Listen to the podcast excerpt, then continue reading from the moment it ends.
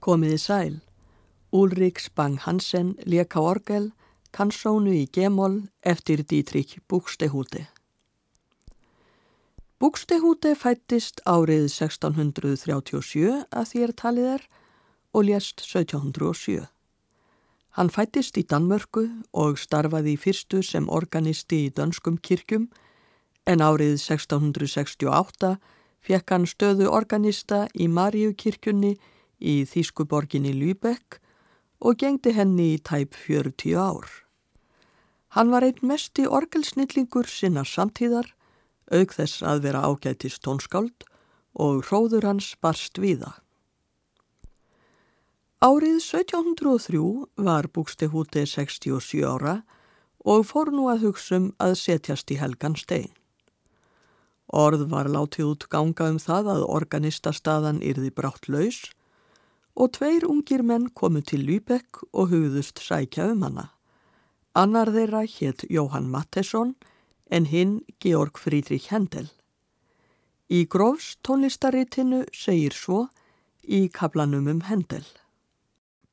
Í ágúst 1703 heimsóttu tónlistamennir ungu hinn aldraða búkstihúti í Lübeck með það fyrir augum að feta í fótspór hans í stöðu organista við Maríukirkjuna. En þar sem eitt af skilirðunum var að umsækjandin kvæntist dóttur Bústihútes, sem var ekki neitt unglamp, voru báðir svo skinsamir, eins og Jóhann Sebastian Bach tveimur árum síðar, að hafna stöðunni. Þeir sem hafa lært eitthvað í tónlistarsögu kannast flestir við þetta atvik frá æsku árum Hendels og Bachs. Báðir ætluðu að sækjum stöðu sem eftir menn Búkstehútes við Maríu kirkjuna í Lübeck en báðir hættu við út af skilirðinu að þeir yrðu að giftast dóttur Búkstehútes.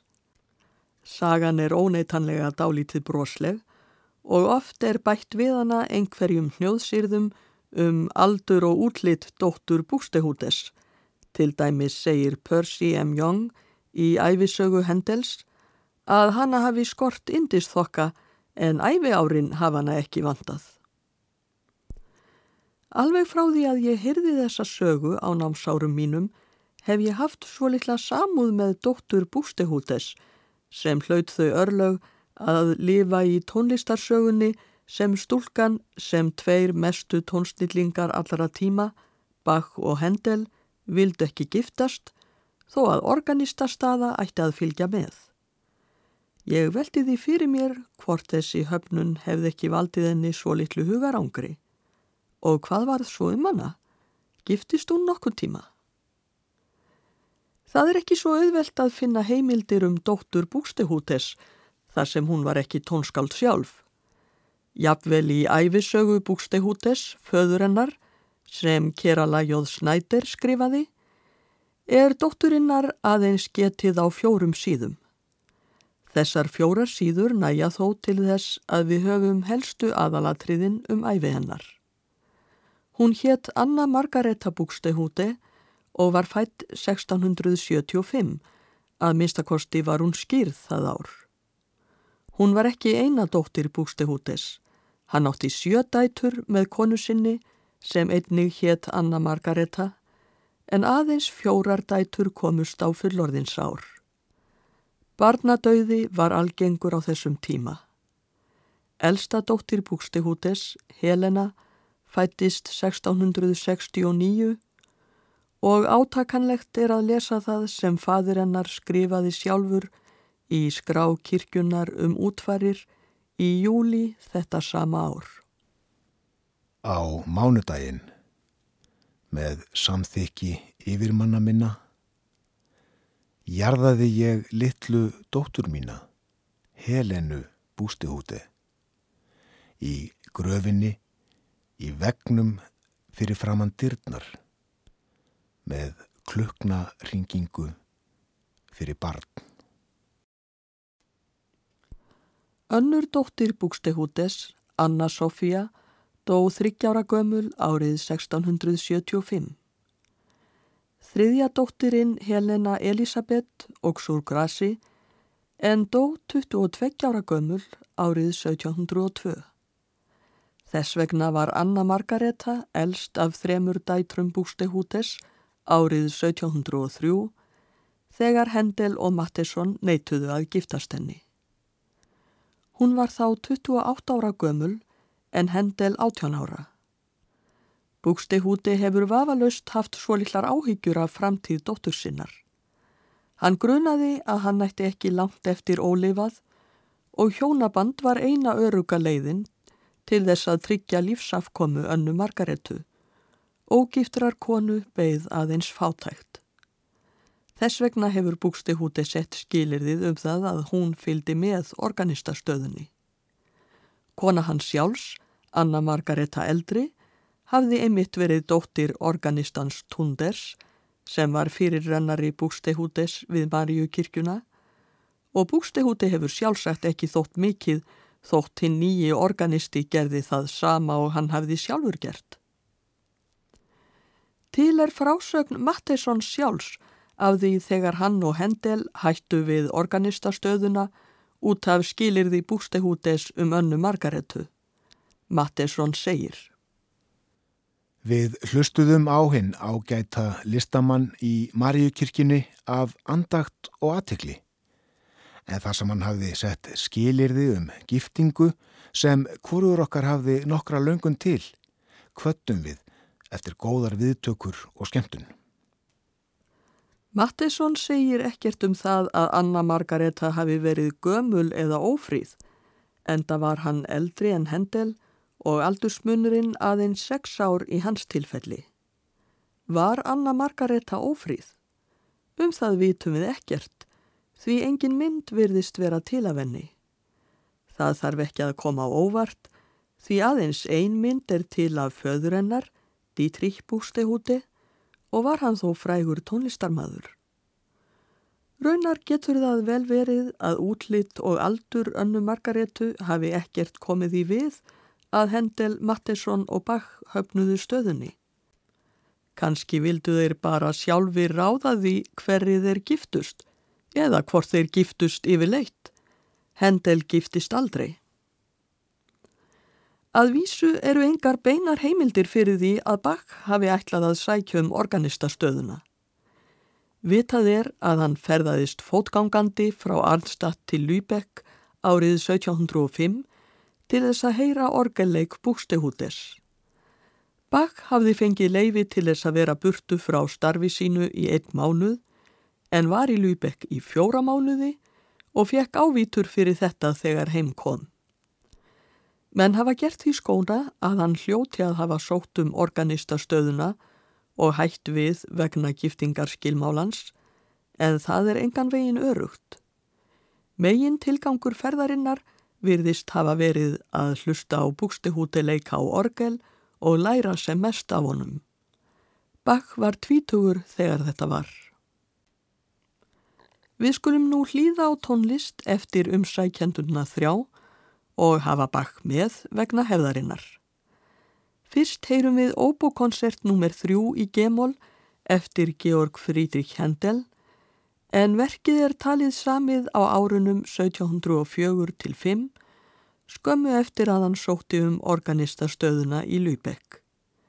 Brynjar Hoff leikur á óbó með ennsku kamersveitinni, Ian Watson stjórnar.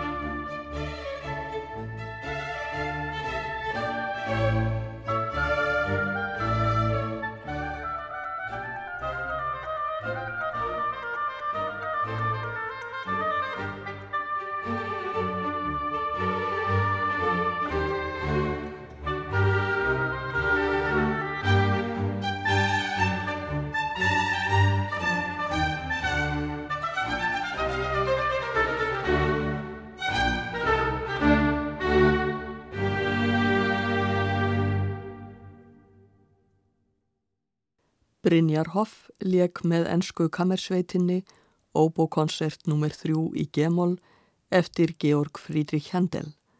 Stjórnandi var Ian Watson.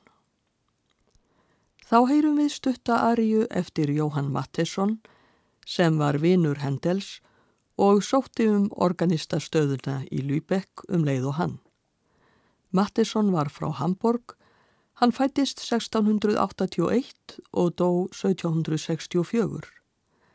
Ann Hallenberg syngur arjuna Gia tutto valore úr óperu Mattessons Nero.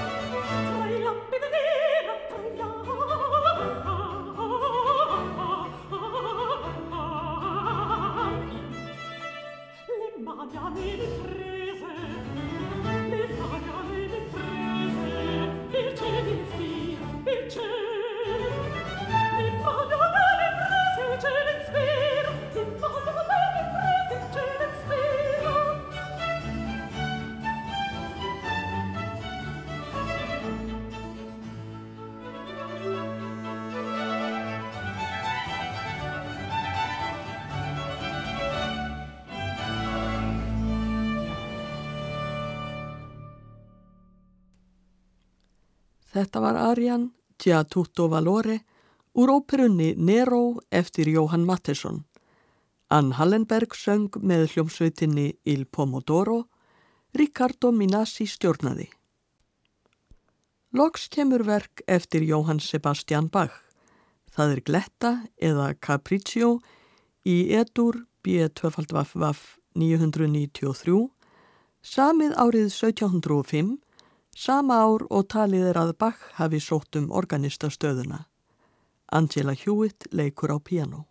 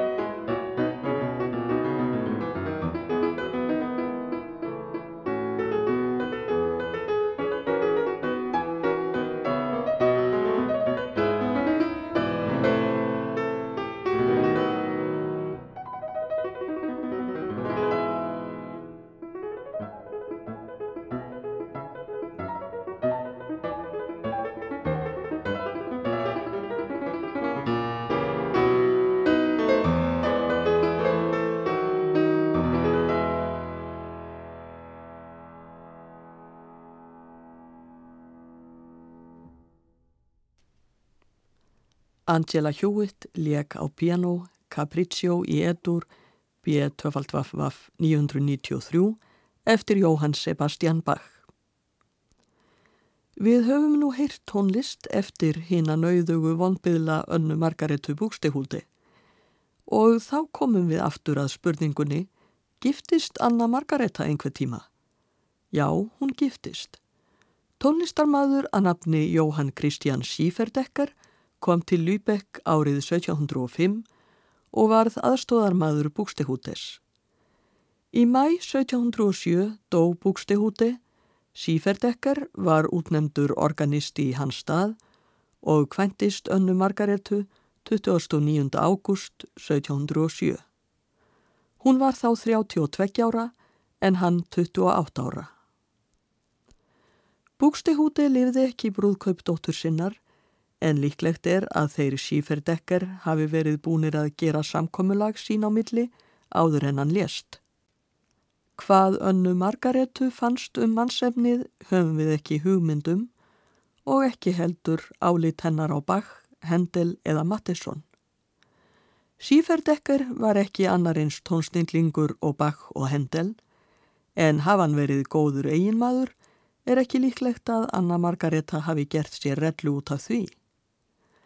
Það á vel við að hlusta á Arju sem Dietrich Buxtehude samdi í tilefni af brúðkaupi annarar önnu Margaretu, önnu Margaretu Ritter, dóttur Jóhans Ritter borgarstjóra. Arjan hefst á orðunum Gestrauet mit Blumen, stráið blómum. Gestrauet mit Blumen, den Held dir besiegt,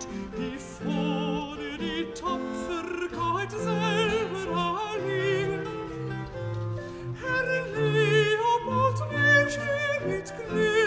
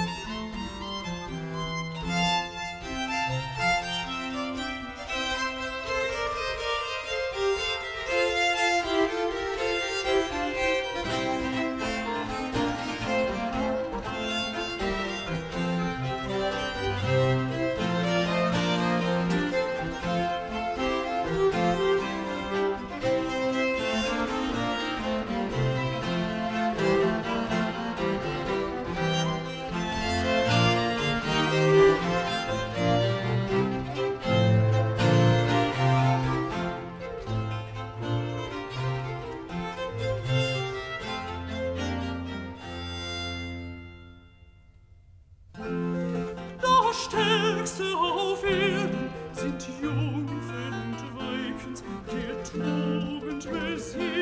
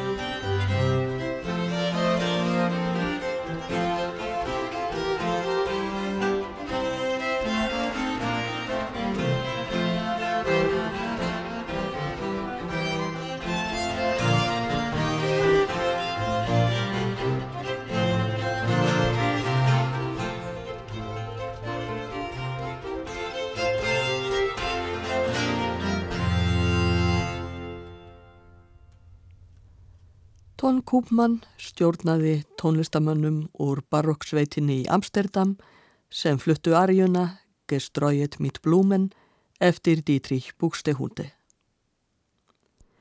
Eins og framhefur komið var Anna Margareta fjórða í rauðinni af sjö dætrum Buxtehudes. Af þremur yngri sístrumennar dó eini bensku, Marja Engel. Önnur sístir, Dorothea Katrín, giftist sama ár og Anna Margareta, organistaða nafni Winkler. Þriðja sýstirinn sem lifði föður sinn hétt Anna Sofía í höfuðið á eldri sýsturinni sem dó. Anna Sofía giftist kryddkaupmanni að nafni Hermann árið 1713 en hjónabandi hennar lauk með skilnaði þremur árum síðar. Þó að búkstehúti hefði sótt það fast að dætur hans giftust, var hjónabandið engin trygging fyrir sælu. Síferdekker, eigin maður önnu Margaretu, var fættur árið 1679 og dó árið 1732. Hann var tónskáld eins og hinnir sem nefndir hafa verið til sögunar og við skulum nú heyra tónverk eftir hann leikið af hljómdiski sem útkom árið 2011. Þetta er konsert í sémól í fimm þáttum. Það eru forleikur, gavotta, burri, menuett og sjakona. Elbi Pólis barokksveitin í Hamburg leikur.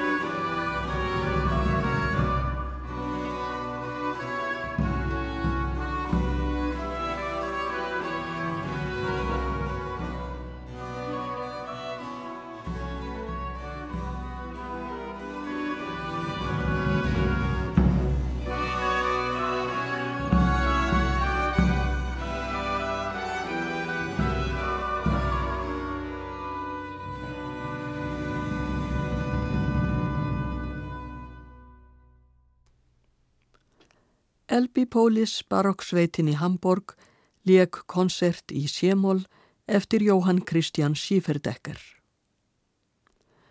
Hvað vitum við svo um æfi önnu Margaretu eftir að hún giftist Schieferdecker? Hún egnaðist dóttur árið 1708 sem að látin heita Jóhanna Sofía. En árið eftir, 1709, dó Anna Margareta aðeins 34 ára gömul. Hjónaband hennar stóð ekki nema í tvö ár.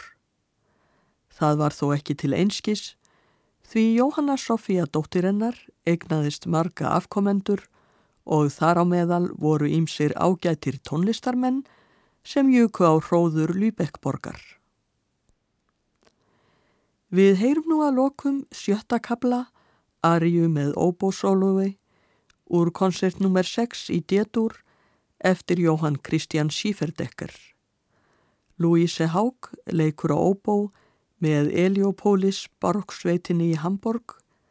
Ég þakka hlustendum áhernina, verði sæl.